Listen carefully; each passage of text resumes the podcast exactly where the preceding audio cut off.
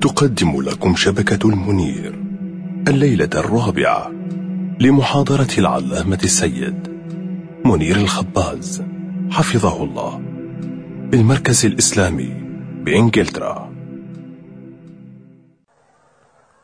صلى الله وسلم عليك يا رسول الله. وعلى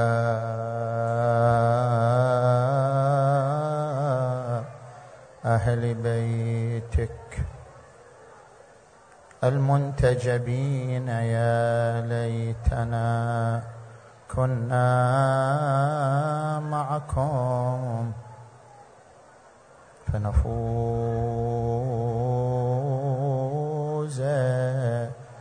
فوزا عظيما.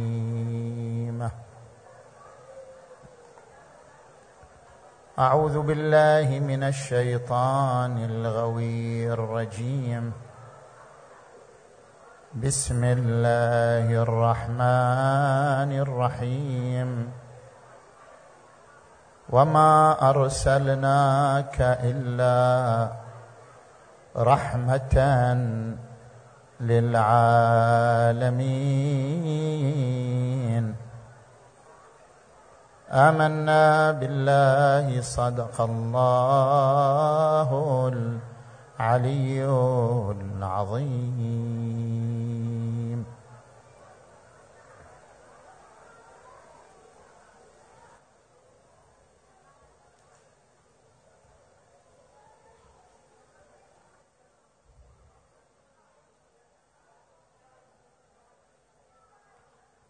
إن أبرز صفة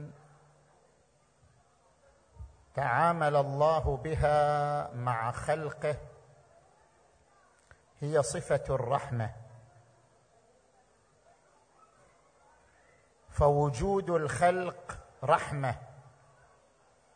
ورزقهم رحمة. وبقاؤهم رحمة. وجميع النعم التي أسبغها الله عليهم رحمة. فالله تبارك وتعالى تعامل مع خلقه بصفة الرحمة. ولأجل ذلك ذكر جملة من المفسرين أن وجه الله هو الرحمة. مثلا عندما نقرأ قوله تعالى ويطعمون الطعام على حبه مسكينا ويتيما وأسيرا. إنما نطعمكم لوجه الله. لا نريد منكم جزاء ولا شكورا. ما هو وجه الله؟ هل لله وجه؟ وجه الله هو الصفة التي تعامل الله بها مع خلقه وهذه الصفة التي تعامل الله بها مع خلقه هي صفة الرحمة. فوجه الله هو رحمته بعباده ورحمته بمخلوقاته. وهذه الرحمة التي هي وجه الله نوعها القرآن الكريم إلى قسمين. رحمة رحمانية ورحمة رحيمية. قال تبارك وتعالى بسم الله الرحمن الرحيم. هناك رحمة رحمانية وهناك رحمة رحيمية. الرحمة الرحمانية هي الرحمة العامة لجميع الموجودات. ما من موجود برأه الله وخلقه الله إلا وأسبغ عليه قسطا من الرحمة ونصيبا من الرحمة. قال تبارك وتعالى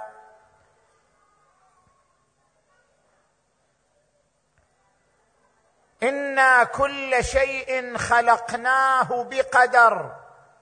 وقال تبارك وتعالى الذي اعطى كل شيء خلقه ثم هدى.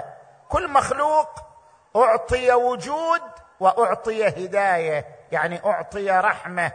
الذي اعطى كل شيء خلقه ثم هدى. هذه هي الرحمة الرحمانية. ما هي الرحمة الرحيمية؟ الرحمة الرحيمية هي الرحمة الخاصة.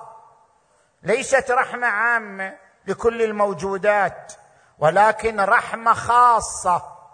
ما هي هذه الرحمة الخاصة التي وهبها الله للمؤمنين أو وهبها الله للداعين؟ قال تبارك وتعالى إن رحمة الله قريب من المحسنين. ما هي هذه الرحمة الخاصة التي وهبها الله للعقلاء من هذه الموجودات كلها؟ الرحمة الخاصة هي محمد. محمد. الله تبارك وتعالى خلق إنسانا وهو محمد بن عبد الله وأودع فيه أعظم رحمة وأودع في قلبه أكبر طاقة من الرحمة والصبر والإرادة. فكان رسول الله صلى الله عليه وآله قطعة من الرحمة قطعة من الحنان قطعة من العطف. لذلك ذكره الله تعالى بقوله فبما رحمة من الله لنت لهم ولو كنت فظا غليظ القلب لانفضوا من حولك. وقال تبارك وتعالى لقد جاءكم رسول من أنفسكم عزيز عليه ما عنتم حريص عليكم بالمؤمنين رؤوف رحيم. وقال تبارك وتعالى وما أرسلناك إلا رحمة للعالمين.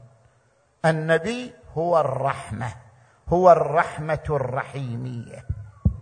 من هنا نطرح هذا التساؤل لنجيب عنه في هذه الليلة. نحن سنتكلم عن نقطة محددة في هذه الليلة. هل أن الفتوحات الإسلامية التي جرت بعد وفاة رسول الله صلى الله عليه وآله هل كانت تنسجم مع الرحمة؟ هل كانت تنسجم مع مبدأ الرحمة؟ هل كانت تنسجم مع ما وصف الله به رسوله حيث قال وما أرسلناك إلا رحمة للعالمين؟ فهل الرحمة للعالمين تقتضي الغزو واحتلال الأراضي وقتل الرجال وسبي النساء أم أن الفتوحات التي جرت لا تنسجم مع مبدأ الرحمة وخلق الرحمة. اذا حديثنا عن نقطة محددة وهي الفتوحات الإسلامية التي حصلت بعد رحيل النبي المصطفى صلى الله عليه وآله. أنتم الآن سووا قيام مرة ثانية حتى الإخوة لا يظلوا واقفين. كم واحد يقدر يدخل؟ رحم الله من ذكر القائم فقام. تقدموا بس توقف. تقدم شوية شوية. كل واحد خطوة كل واحد خطوة. كل واحد يتقدم خطوة شوية حتى يصير مجال. تفضل. تفضلوا بعض الإخوة انزلوا للداخل.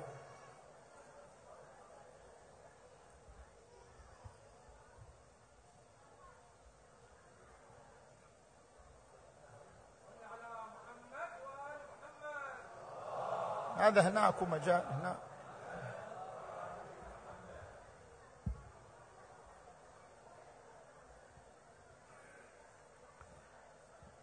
حديثنا حول الفتوحات الإسلامية بعد رحيل النبي المصطفى. في زمان النبي المصطفى كل حروب النبي كانت دفاعية. معركة بدر كيف حصلت؟ النبي صلى الله عليه وآله رأى قريشا قد استولت على أموال المهاجرين الذين خرجوا من مكة إلى المدينة. استولت قريش على أموالهم وأملاكهم وبيوتهم. فأراد النبي أن يقتص لهم ما سلب منهم. فأمر المسلمين بأن يعترضوا قافلة أبي سفيان الخارجه من مكة إلى الشام أن يعترضوا القافلة ليأخذوا منها عوض ما سلبته قريش من أموال المسلمين المهاجرين. من هنا قام المشركون برده فعل وهجموا على المسلمين في بدر فكانت المعركة الأولى معركة بدر فهي معركة دفاعية. وعقبوها بمعركة أحد هم المشركون. فكان دور الرسول دورا دفاعيا في معركة أحد. وهكذا حروب الرسول كانت دفاعية. إحنا نتكلم عن الحروب التي بعد رحيل المصطفى صلى الله عليه وآله.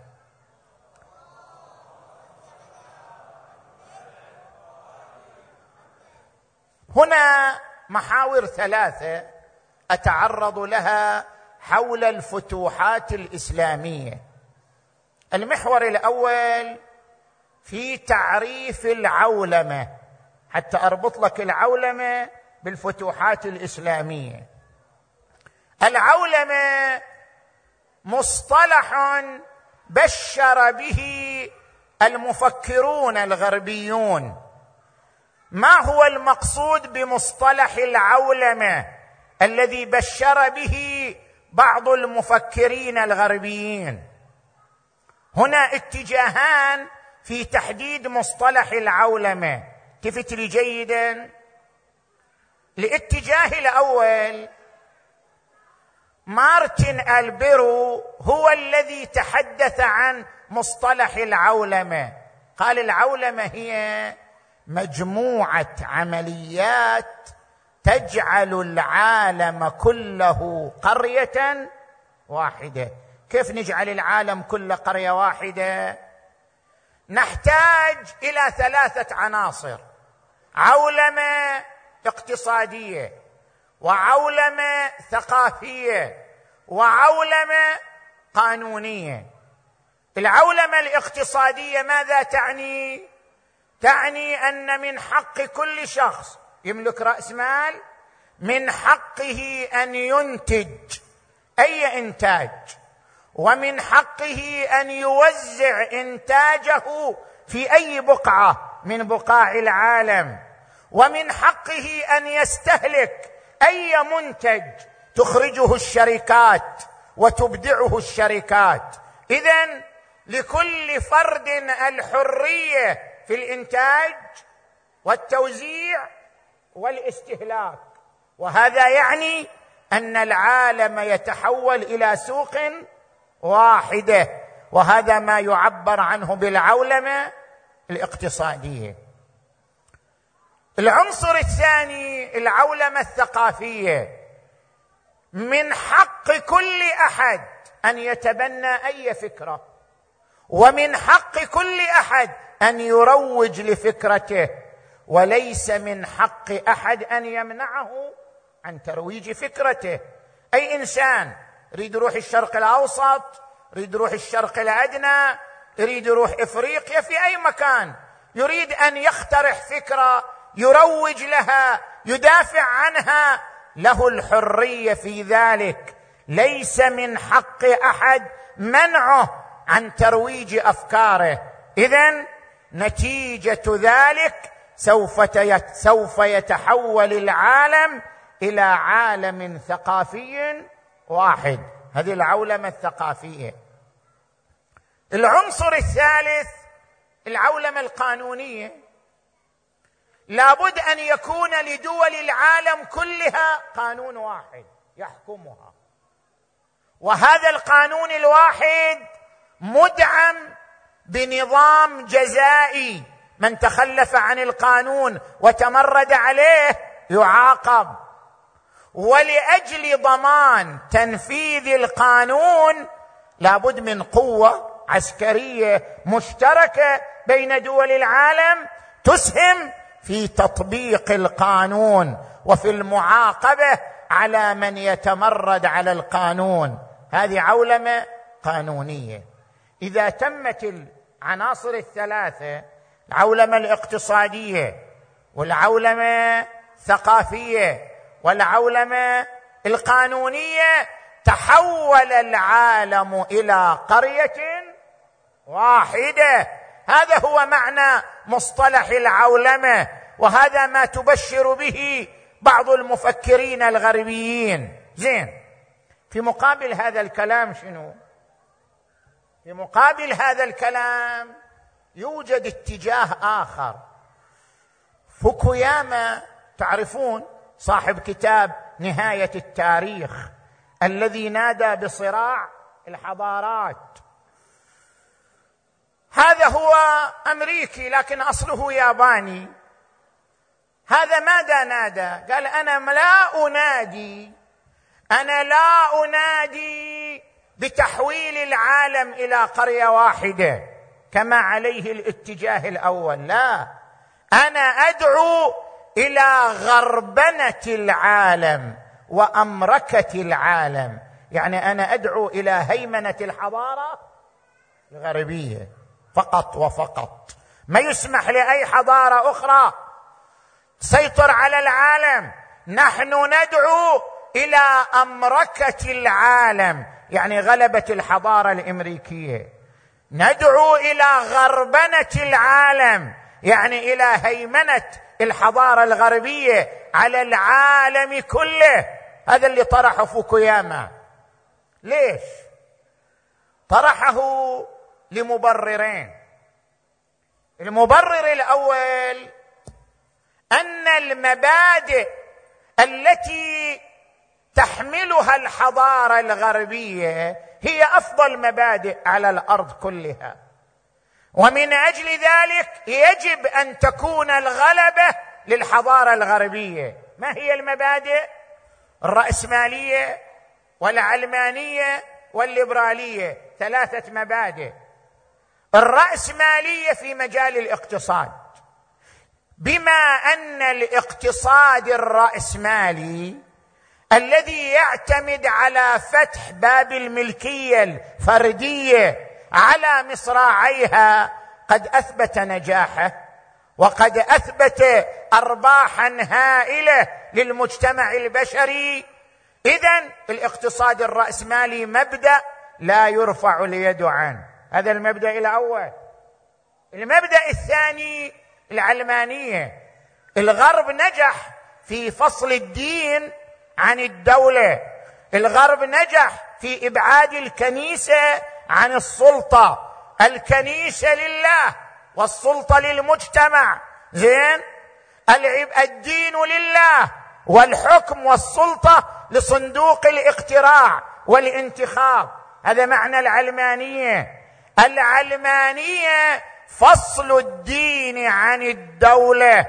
الدين لله والدولة للمجتمع. عبر صناديق الاقتراع بما أن هذا المبدأ نجح في الحضارة الغربية وأثبت جدارته اذا هو مبدأ يجب طغيانه على العالم كله. زين؟ المبدأ الثالث الليبرالية. الليبرالية في حريات الأفراد لكل فرد الحرية أن يقول ما يشاء أن يفكر ما يشاء أن يفعل ما يشاء. المهم أن لا يعارض حرية الآخرين. هذا معنى الليبرالية. الليبرالية تعني الحرية. لكل فرد حرية في فكره في طقوسه في كلامه في سلوكه. ما لم يعارض حرية الآخرين. زين اذا الحضارة الغربية تتمتع بثلاثة مبادئ. رأسمالية في الاقتصاد علمانية في الحكم ليبرالية في حريات الأفراد. بما أن هذه المبادئ الثلاثة أثبتت نجاحها اذا الحضارة الغربية هي أرقى حضارة وأفضل حضارة فهي الحقيقة بأن تكون هي المهيمنة على العالم كله. وهذا هو معنى العولمة الدعوة إلى أمركة العالم وغربنة العالم. زين هذا المبرر الأول. المبرر الثاني اللي يطرح فوكوياما يقول لك غلبت حضارة على حضارة. شلون حضارة تغلب على حضارة؟ غلبه حضارة على أخرى تحتاج إلى ثلاث قوى. قوة عسكرية وقوة ثقافية وقوة اقتصادية. من يملك القوى الثلاث؟ هو الحضارة الغربية طبعا. الذي يمتلك القوة العسكرية والقوة الاقتصادية والقوة الثقافية هو الحضارة الغربية. اذا هي الحضارة الحقيقة بالهيمنة على العالم كله. فهذا هو معنى العولمة الذي دعا إليه فوكوياما. زين. هذا المحور الأول من حديثنا بيان معنى العولمة وأن بعض المفكرين الغربيين دعا إلى العولمة. نجي الآن إلى المحور الثاني من حديثنا.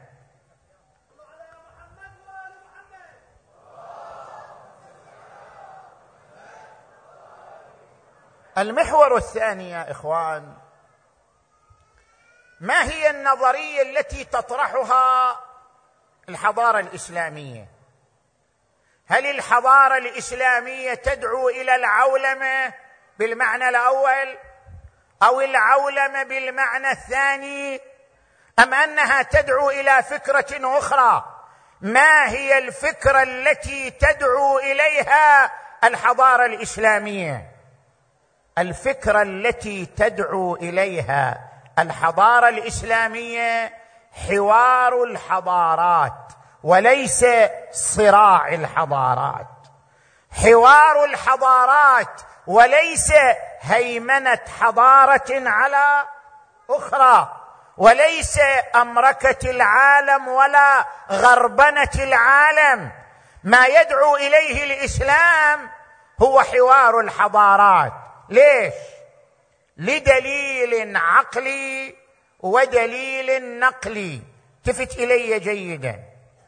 الدليل العقلي عندما ندعو إلى أمركة العالم. خلي العالم كله يصير حضارة أمريكية. أو حضارة أوروبية. أو يجب أن يتوحد العالم كله في حضارة واحدة. اقتصادية ثقافية قانونية. هذا إلغاء للإبداع. إلغاء لإنسانية شنو؟ الإنسان. إنسانية الإنسان تساوي الإبداع. الإنسان ليش يتميز على المخلوقات الأخرى؟ ما هي ميزة الإنسان على الجن على الملك على الحيوان؟ ميزة الإنسان أنه يمتلك القدرة على الإبداع والابتكار. ميزة الإنسان أن لديه قدرة إبداعية. فبما أن الإنسان يمتلك القدرة الإبداعية اذا الإنسان الشرقي يستوحي من بيئته الشرقية فنون إبداعية خاصة. والإنسان الإفريقي يستوحي من بيئته فنونا إبداعية خاصة. والإنسان الهندي والإنسان الفارسي والإنسان المصري والإنسان الأوروبي كل إنسان قادر على أن يصنع من بيئته التي عاشها وألفها فنونا إبداعية خاصة. فإذا قلنا يجب أن تكون الحضارة واحدة ويجب أن يتوحد العالم تحت حضارة واحدة أو دعونا إلى أمركة العالم فمعنى ذلك إلغاء الإبداع لدى الإنسان. فمعنى ذلك إلغاء الطاقات والقدرات البشرية في كل بيئة بحسبها وإلغاء الإبداع وإلغاء الطاقات البشرية ظلم والظلم قبيح. اذا العقل يرفض هذا المنطق. منطق هيمنة الحضارة الواحدة على كل الحضارات. هذا يرفضه العقل والمنطق. لأنه يتضمن ظلما وقتلا وخنقا للقدرات الإبداعية لبني البشر. اذا الذي ندعو إليه هو شنو؟ حوار الحضارات. أن تجتمع القدرات الإبداعية من كل مجتمع بحسبه وتتلاقح هذه الطاقات وتتلاقح هذه القدرات لتنتج لنا فنونا عديدة وحضارات شامخة متعاونة متلاقية. هذا الدليل العقلي؟ وعدنا دليل نقلي. نرجع إلى دستورنا القرآن الكريم. ماذا يقول القرآن الكريم؟ يا أيها الناس إنا خلقناكم من ذكر وأنثى وجعلناكم شعوبا وقبائل. إحنا جعلناكم شعوب. ليش تريدوا تصيروا شعبا؟ واحد. إحنا خليناكم شعوب. نحن جعلناكم شعوب. يعني خلقناكم في بيئات مختلفة. لكل بيئة إبداع خاص. لكل بيئة لون خاص لكل بيئة عقل خاص. جعلناكم شعوبا وقبائل. لا لتتحاربوا ولا لتتنازعوا بل تعارفوا. التعارف يعني حوار الحضارات. التعارف يعني تلاقح الطاقات والقدرات. كل بيئة تقدم إبداعاتها وطاقاتها للبيئة الأخرى. فيحصل من ذلك تلاقح في الطاقات والقدرات. وجعلناكم شعوبا وقبائل لتعارفوا. وقال في آية أخرى وتعاونوا على البر والتقوى ولا تعاونوا على الإثم والعدوان. اذا ما يدعو إليه الإسلام هو حوار الحضارات. وليس صراع الحضارات وليس العولمة بمعنى هيمنة حضارة على حضارة أخرى. زين نجي إلى المحور الأخير من حديثنا. بارحة طولنا قال الجماعة طولت أذيتنا. إن الليلة شوي شوي. الليلة إن شاء الله نخفف من الموضوع. المحور الأخير هو الحديث عن الفتوحات الإسلامية. من نجي نفتح هذا الملف ملف الفتوحات الإسلامية. يأتيك كلام المستشرقين وبعض المفكرين الغربيين يقول لك الفتوحات الإسلامية كلها ظلم وسرقة وابتزاز وإبادة للحضارات الأخرى. لكن هو نفسه هذا اللي ينتقد الفتوحات الإسلامية. من جهة أخرى ماذا يقول؟ وينادي بأمركة العالم. ينادي بغربنة العالم. طيب ما هو الفرق بين الفكرتين؟ إذا كانت الفتوحات الإسلامية ظلما وإبادة للحضارات الأخرى اذا الدعوة لأمركة العالم وغربنة العالم أيضا شنو؟ ظلم وإبادة للحضارات الأخرى. لا فرق بين الفكرتين ابدا. لا يصح أن تنتقد الفتوحات الإسلامية ومن جهة أخرى تدعو إلى العولمة وتدعو إلى أمركة العالم أو غربنة العالم. كلا الفكرتين من واد واحد. كلا الفكرتين يرجعان إلى أصل واحد. اذا لا يصح باء تجر وباء لا تجر. زين. إحنا شنو رأينا في الفتوحات الإسلامية؟ قلنا الفتوحات يعني التي حصلت بعد رحيل المصطفى محمد.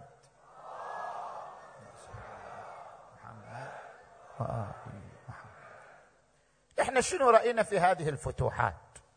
طبعا هنا أيضا يوجد شنو؟ اتجاهان. الاتجاه المؤيد للفتوحات والاتجاه المعترض على الفتوحات. نجي إلى الاتجاه المؤيد. طبعا أنا ما أتحدث عن أقلام أخرى. لا أقلام من داخل المذهب الشيعي. توجد أقلام تؤيد شنو؟ الفتوحات الإسلامية. توجد أقلام تعارض الفتوحات الإسلامية. أنا أتكلم عن اتجاهين في الجسم الشيعي في الميدان الشيعي. زين. الاتجاه الأول يقول أنا مع الفتوحات الإسلامية. كانت الفتوحات حضارة وعظمة وشموخ للدولة الإسلامية. ليش؟ يقول الأئمة من أهل البيت أيدوا هذه الفتوحات ودعموها وأمضوها. شنو الدليل على ذلك؟ قل أنا عندي دليلين على أن الأئمة دعموا هذه الفتوحات. الدليل الأول أن الأئمة كانوا يدعون للمحاربين. أنت الآن افتح الصحيفة السجادية صحيفة الإمام زين العابدين صلوات الله وسلامه عليه تجد من أدعية الصحيفة السجادية الدعاء لمن؟ لأهل الثغور. الإمام زين العابدين يدعو في محرابه لأهل الثغور المقاتلين. اذا الأئمة يدعمون القتال. والدليل على ذلك دعاء الإمام زين العابدين لأهل الثغور. هذا الدليل الأول. الدليل الثاني أن الأئمة امتلكوا جواري. كانت عندهم جواري. الإمام الصادق عند جاريه الإمام الكاظم عند جاريه بل الأئمة تزوجوا جواري. زين هذه الجارية يعني شنو؟ الجارية يعني المرأة الرقيق المرأة المسترقة. هذه المرأة الرقيق من أين جاءت؟ من الحروب. الحروب بين المسلمين وبين غيرهم هي التي أفرزت سبايا من النساء وجيء بالنساء السبايا إلى البلاد الإسلامية وتحولنا السبايا إلى شنو؟ رقيق إلى جواري تباع وتشترى. والأئمة من الناس اللي اشتروها هذه الجواري وتزوجوها. اذا عندما يشتري الإمام الجارية معنى أنه يمضي شنو؟ يمضي القتال. لأن هذه الجارية جاءت من القتال. لو كان الإمام معترضا على القتال لما اشترى الجواري. شراء الإمام للجواري إمضاء منه للحروب التي جرت بين المسلمين وغيرهم. اذا بالنتيجة هذه الفتوحات حظيت برضا الأئمة وإمضائهم ودعمهم. التفت إلي جيدا. هذا الاتجاه الأول المؤيد للفتوحات الإسلامية. نجي إلى الاتجاه الثاني الرافض للفتوحات الإسلامية. الاتجاه الثاني الرافض للفتوحات الإسلامية ينطلق من آيتين قرآنيتين. قوله تعالى لا إكراه في الدين. قد تبين الرشد من الغي. يعني الإسلام أدلة واضحة ما تحتاج تفرضها على الناس. قد تبين الرشد من الغي. يعني الأدلة واضحة والبراهين واضحة. ليش تفرض الدين على الناس؟ لا إكراه في الدين. قد تبين الرشد من الغي. زين؟ والآية الأخرى ادع إلى سبيل ربك بالحكمه والموعظة الحسنة وجادلهم بالتي هي أحسن. زين.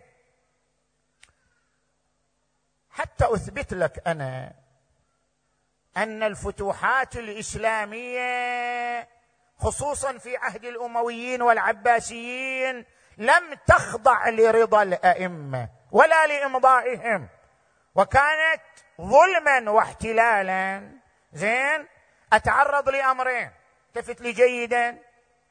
الأمر الأول أن دعاء الإمام زين العابدين لأهل الثغور ما له ربط بالفتوحات. أهل الثغور من هم؟ أهل الثغور يعني المدافعون عن حريم المجتمع الإسلامي. هذول ما كانوا يقاتلوا هذول كانوا شنو؟ مرابطين للدفاع عن الكيان الإسلامي. ففرق بين القتال وبين شنو؟ وبين الدفاع عن حريم الكيان الإسلامي. كان الكيان الإسلامي محاطا بجنود مجهولين وظيفتهم المرابطة والدفاع عن هذا الكيان. قال تبارك وتعالى يا أيها الذين آمنوا اصبروا وصابروا ورابطوا. المسلمون مأمورون بالصبر والمصابرة. المصابرة يعني كل واحد يوصي الثاني بالصبر والمرابطة. المرابطة يعني الحراسة. أن تحرس كيانك. أن تحرس زين مجتمعك. صبروا وصابروا ورابطوا. بل ورد عن الإمام الصادق عليه السلام قال اصبروا وصابروا ورابطوا على ولاية أمير المؤمنين.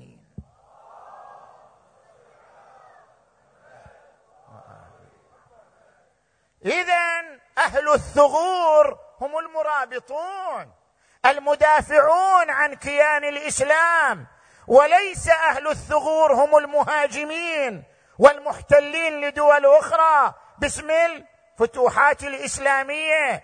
فلا يصح الخلط بين الأمرين بين دعاء الإمام زين العابدين لأهل الثغور وبين إمضاء الفتوحات الإسلامية. زين؟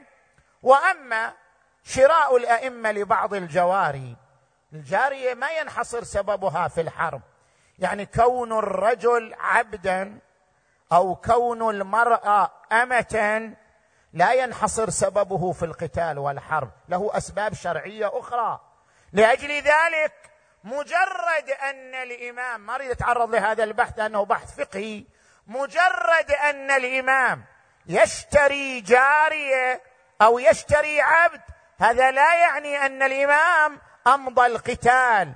فهناك أسباب شرعية للشراء غير القتال. لذلك لا ملازمة بين الشراء وإمضاء القتال. نجي إلى الأمر الثاني وهو المهم. الآن يا أخي أقرأ لك روايات أهل البيت.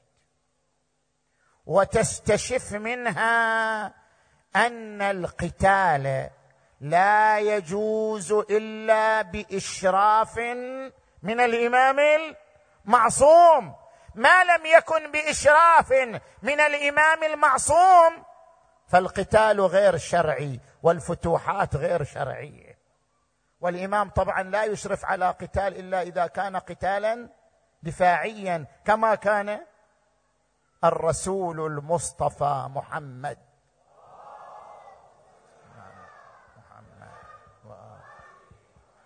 اذا من نجي الآن إلى الروايات نستشف منها أن لا قتال إلا بإذن الإمام ولا فتوحات شرعية إلا بإمضاء الإمام. والإمام متى يمضي القتال؟ إذا توفرت فيه الشروط بحيث أصبح قتالا دفاعيا لا هجوميا. أقرأ لك الروايات. هذه الروايات من كتاب وسائل الشيعة الجزء التاسع من كتاب وسائل الشيعة للحر العاملي هذه الروايات على أربع طوائف يعني أربعة أصناف. الطائفة الأولى ما دل على اشتراط القتال بإذن الإمام. لاحظ هذه الرواية الحديث الثالث من الباب الأول من أبواب الأنفال عن معاوية بن وهب. قلت لأبي عبد الله الصادق عليه السلام السرية يبعثها الإمام. السرية يعني شنو؟ جزء من الجيش. فيصيبون غنائم. ناخذ من هذه الغنائم. شوف الإمام شلون قال. إن قاتلوا عليها قال عليه السلام إن قاتلوا عليها مع أمير أمره الإمام. لابد يكون الأمير تحت شنو؟ امره الإمام. والإمام ينصرف إلى الإمام الحق وهو الإمام المعصوم. إن قاتلوا عليها مع أمير أمره الإمام عليهم أخرج منها الخمس لله وللرسول وقسم بينهم ثلاثة أخماس. وإن لم يكونوا قاتلوا عليها بأمره كان ما غنموه للإمام. يعني هذه الغنيمة لا يجوز لهم التصرف فيها بل يرجعون امرها لمن للإمام لأنها غنيمة غير شرعية. زين. لاحظ أيضا حديث ستة عشر من نفس هذا الباب. عن العباس الوراق. عن رجل عن أبي عبد الله عليه السلام إذا غزا قوم غزا. إذا غزا قوم بغير إذن الإمام فغنموا.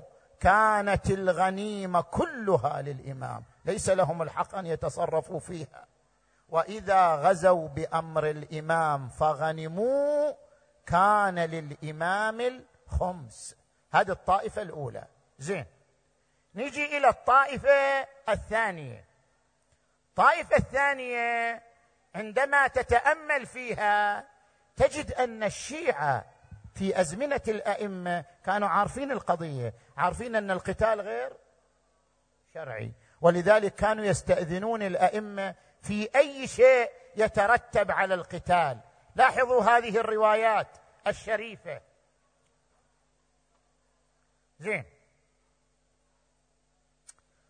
معتبرة الحلبي حديث ثمانية باب اثنين. من أبواب ما يجب فيه الخمس. عن أبي عبد الله الصادق عليه السلام في الرجل من أصحابنا. من أصحابنا يعني شنو؟ من الإمامية.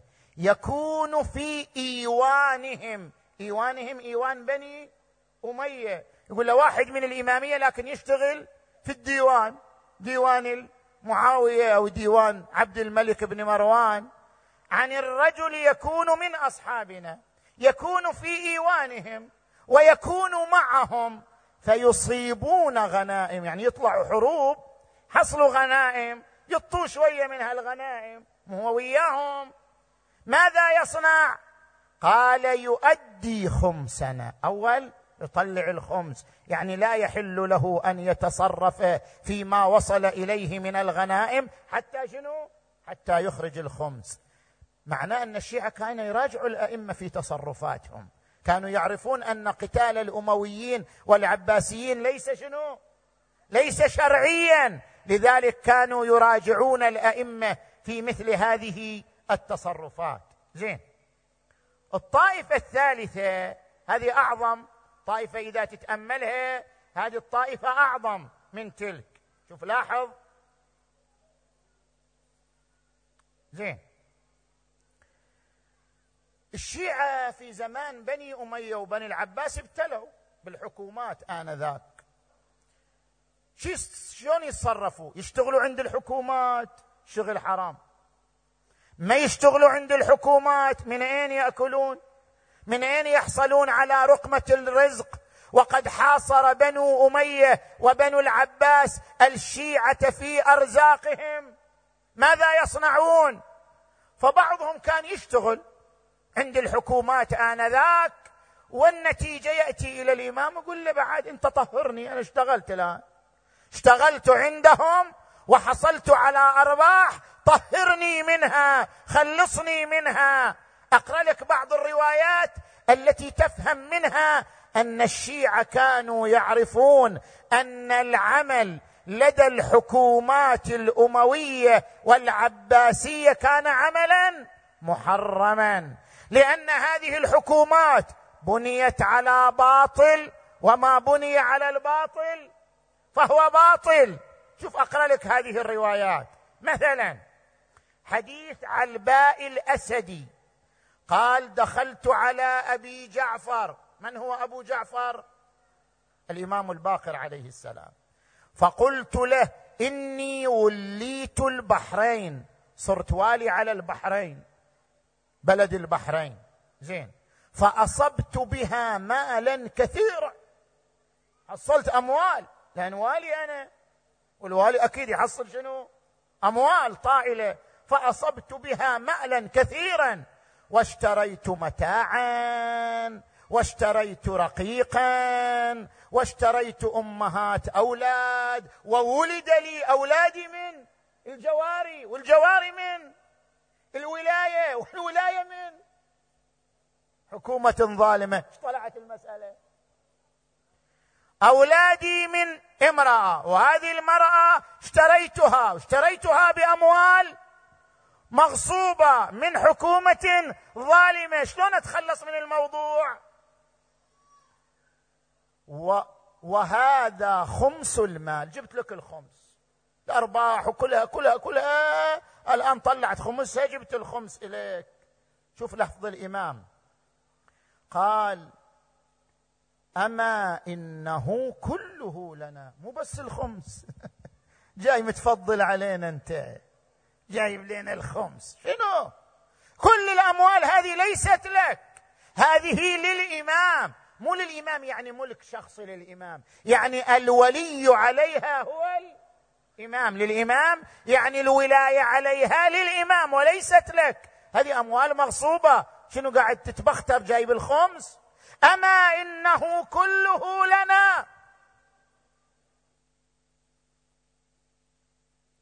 انتبه قبلت منك هذا.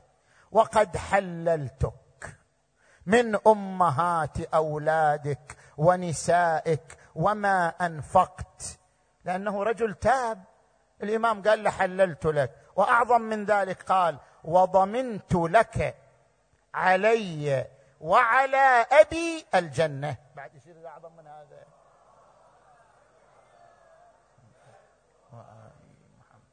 زين رواية أخرى شبيهة بهذه الرواية.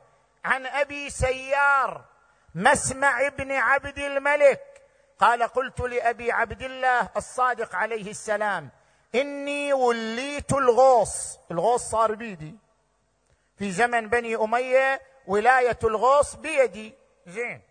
فأصبت أربعمائة ألف درهم من الغوص. وقد جئت بخمسها.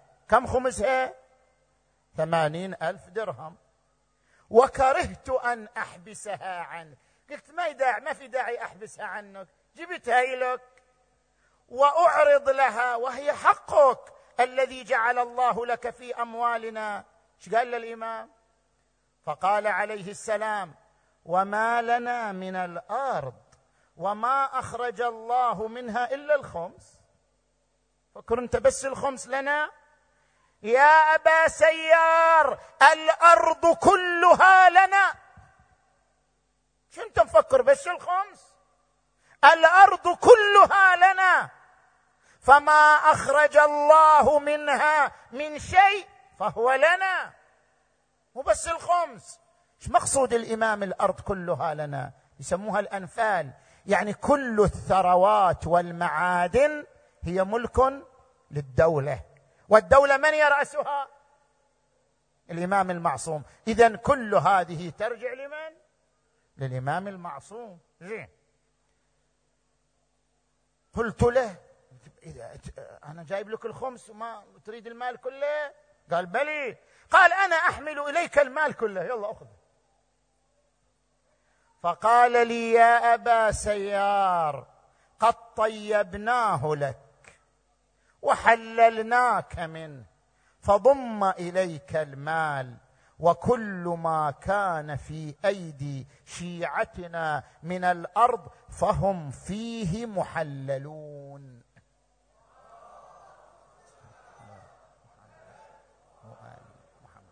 زين. نجي إلى الطائفة الرابعة والأخيرة. الطائفه الرابعة والأخيرة من الروايات الروايات التي تقرر أن الأرض ثرواتها معادنها ملك لمنصب الإمامة. يعني ملك للدولة التي يرأسها الإمام عليه السلام. لاحظ هذه الأحاديث الشريفة مثلا. هذه الرواية رواية حفص البختري عن أبي عبد الله الأنفال ما لم يوجف عليه بخيل ولا ركاب أو قوم صالحوا أو قوم أعطوا بأيديهم وكل أرض خربة وبطون الأودية. كل هذه أراضي استراتيجية. هذه الأراضي الاستراتيجية لمن؟ فهو لرسول الله صلى الله عليه وآله وهو للإمام من بعده. مو للإمام ملك شخصي. للإمام من بعده يضعه حيث يشاء. يعني هو الولي على التصرف فيه زين انتهينا من هذه الروايات. شنو الملخص؟ الملخص أن القتال غير مشروع بإذن الإمام وأن الفتوحات التي جرت حيث لم تخضع لإشراف من الأئمة الطاهرين صلوات الله وسلامه عليهم أجمعين لم تكتسب شنو؟ الشرعية. ولأجل ذلك لا يمكن أن يدان بها الإسلام. يجي أي قلم يكتب الإسلام دين السيف الإسلام دين الاحتلال. الإسلام دين الغزو. الإسلام دين الإرهاب. ليش؟ لأن هذا الدين الإسلامي قد احتل جزءا من أوروبا جزءا من إفريقيا جزءا من الهند جزءا من الصين. باسم الفتوحات. الجواب إن هذه الفتوحات لم تخضع لإشراف الإمام المعصوم فليست فتوحات شنو؟ شرعية. فلا يمكن أن يدان بها الإسلام. الأئمة تعاملوا بمنطق الرحمة. كما افتتحنا بالآية نرجع للآية. وما أرسلناك إلا رحمة للعالمين. النبي كان رحمة للعالمين. ومقتضى الرحمة أن يدعوهم للإسلام بأسلوب الرحمة. وهكذا كان الأئمة الطاهرون صلوات الله وسلامه عليهم أجمعين يدعون الناس إلى سبيل الله وإلى سبيل الصلاح بأسلوب الرحمة لا بأسلوب القهر والغلبه لاحظ الإمام الحسين عليه السلام. الإمام الحسين لم يبدأ أحدا بقتال. وإنما كان يتعامل بمبدأ الرحمة. الحسين بن علي لم يدخل الكوفة غازيا ولا مهاجما ولا محتلا وإنما جاء إلى الكوفة بأسلوب الرحمة. بعث إليهم سفيره مسلم بن عقيل. قال أما بعد فإني بعثت إليكم أخي وثقتي من أهل بيتي. مسلم بن عقيل فإن وجدكم كما تزعمون أقبلت عليكم. زين؟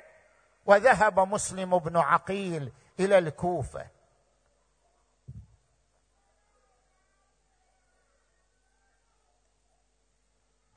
رسول الحسين. ونعم الرسول. إليهم من العترة الصالحة. لقد بايعوه بايعه ثمانية عشر ألف. لقد بايعوه وقد أوثقوه وغدرتهم لم تزل فاضحة. اسحبا يقاد بأسواقهم. أليس أميرهم البارحة؟ مسلم بن عقيل هذا الغريب المظلوم ورد في الحديث عن الإمام عليه السلام مسلم بن عقيل تبكي عليه عيون المؤمنين وتصلي عليه الملائكة المقربون لأنه قضى نحبه غريبا ظامئا عطشانا وحيدا فعوضه الله عن ذلك بأن تبكي عليه عيون المؤمنين وتصلي عليه الملائكة المقربون. أقبل إلى الكوفة بايعه الناس ثم خذلوه. لما رأوا عبيد الله بن زياد وبطشه فخرج بأبي وأمي وحيدا في أزقة الكوفة. غريبا يبحث عن مكان آمن إلى أن وصل إلى باب بيت وقف عليه هو بيت لامرأة يقال لها طوعة امرأة من الأخيار. وقف عليها مسلم بن عقيل طرق الباب. خرجت إليه المرأة ماذا تريد؟ قال أريد شربة من الماء. أنا غريب في بلدكم. عطشان في بلدكم. أريد شربة من الماء أبل بها كبدي. أخرجت إليه الماء شرب منه قليلا ثم أعطاها إياه وظل واقفا على الباب. وكان الوقت وقت غروب قالت له يا هذا لم وقوفك على الباب؟ ألم تشرب الماء؟ اذهب إلى ما جئت منه قال لها يا أمة الله أنا غريب ببلدكم. لا أهل لي ولا عشيره ولا مأوى. الله أكبر على الغريب. ملا عطية الجمري يصور لنا هذه الواقعة. ها مسلم وقف ينباب طوع يدير الأفكار. خجلان راسه منكسة والدمع نثار. وطوعة تقله ايش حاجتك من وقفتك هاي. قالها وهو مغبون يخفي الصوت بهداي. عطشان أنا بالله. واطلبي لي شوي ماي. طلعت الماي وشرب منه ووقف محتار. قالت شربت الماي لا توقف على الباب. عيب على مثلك وقفتك ببيوت. لجناب كنك شريف. وشوفتك يا شهم تنهاب. لهلك دروح القمر غرب والنجم دار. قالت هلك في وين؟ قالها في المدينة. ما عندي أهل عندكم ها. قالت هلك في وين؟ قالها في المدينة. عنها ارتحلنا والدهر جاير علينا. ما مصيبتها. قالت هلك في وين؟ قالها في المدينة. عنها ارتحلنا والدهر جاير علينا. عمي علي ومسلم أنا اللي تعرفونه. طبيت بلدتكم وأصبح مالي انصار قالت مرحبا بك يا مسلم. أدخلته إلى دارها أطعمته من طعامها سقته من شرابها. بات ليلته قائما قاعدا راكعا ساجدا يتزود من العبادة. علم بذلك ولدها فأبلغ عبيد الله بن زياد. فما إن الفجر إلا والحامية تدور حول الدار. قام بأبي وأمي بعد أن صلى الفجر ربط الحزام على بطنه وشهر سيفه وخرج يقاتل الأعداء. أقسمت لا أقتل إلا حرا. وإن رأيت الموت شيئا نكرا. أخاف أن اكذب أو غرا. عظم الله أجوركم. صار يقاتلهم قتال المستميت. حتى قتل منهم مقتلة عظيمة. لكنهم حفروا له حفيره وغدروا به وصاروا يلاحقونه. حتى وقع بأبي وأمي في وسط الحفيرة. يا أبا عبد الله يا أمير المؤمنين يعز عليك حال هذا الغريب فاجتمعوا عليه هذا يضربه بسيفه. وهذا يطعنه برمحه وهذا يشد عليه وهو يدافعهم عن نفسه. عظم الله أجوركم ثم جعلوا الغل في يديه وسحبوه إلى عبيد الله بن زياد. طوعة طوعة وين راحت؟ هذه المرأة الطيبة تنظر إلى حالها. فلما رأت ذلك طوعا التفتت إليه وقالت وخجلتا أمام رسول الله؟ وخجلتا أمام فاطمة الزهراء يوم القيامة. قال يا طوعا ليس عليك بأس أريد أن أوصيك بوصية. ما هي الوصية يا مسلم؟ قال يا طوعه يأتيكم بعد مقتل حبيبي الحسين نساء وأطفال من أرض كربلاء ومن بينهم طفلة يتيمة. ومن بينهم طفلة يتيمة يقال لها حميدة اسألي عنها. شسوي إذا سألت عنها؟ فإذا رأيتيها فضميها نيابة عني. وقبليها نيابة عني. وقولي لها إن أباك مسلما مات غريبا وحيدا ومسلما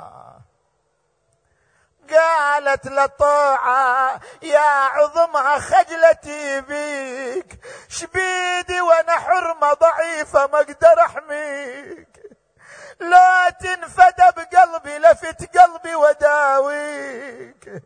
كان سلمت من كيدهم سلم على حسين. قالها يا طاعة اليوم ما تحصل سلامة. أوصيت كان بهالبلد طبوا يتامى. قولي ترى مسلم يبلغكم سلامة.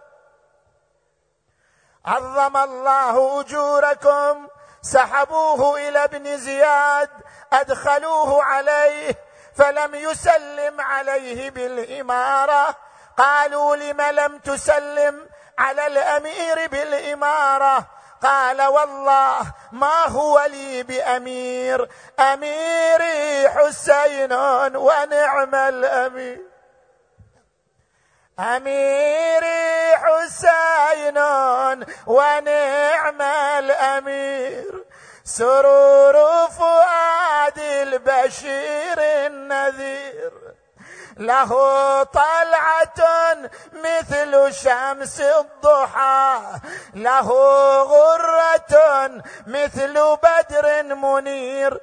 قال سلم أم لم يسلم هو مقتول لا محالة. عظم الله أجوركم. ثم قال اصعدوا به إلى أعلى القصر واضربوا عنقه يا شيعة الحسين.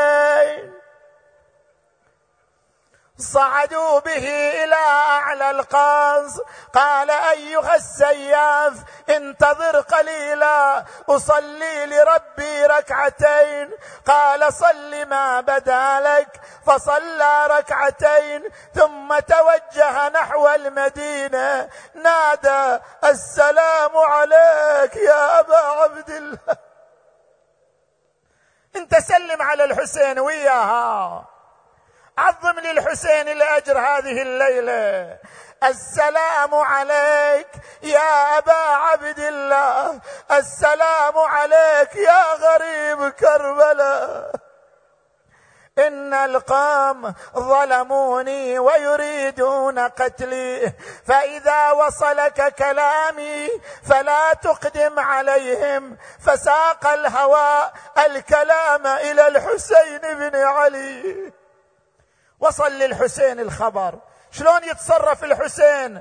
قال أخي زينب أين حبيبتي حميدة؟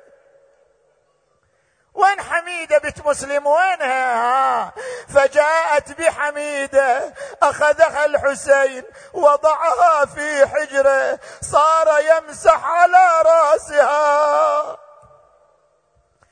ويضمها إلى صدره ويقبلها. قالت له خالي خالي أبا عبد الله قطعت قلبي تمسح على رأسي كما تمسح على رؤوس اليتامى. هل جرى على والدي سوء؟ ليش تمسح علي مثل اليتامى؟ خبرني ماذا جرى. فضمها إلى صدره ونادى بني بني لقد قتل أبوك. ومسلما ومصيبتاه صرخت الطفل وابتاه صرخت النساء ومصيبته كأني بها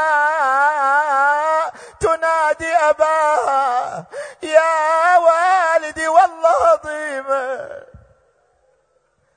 عظيمة يا يا يا أنا أعيش من زغري يتيمة اي والله أنا أعيش من زغري من زغريتي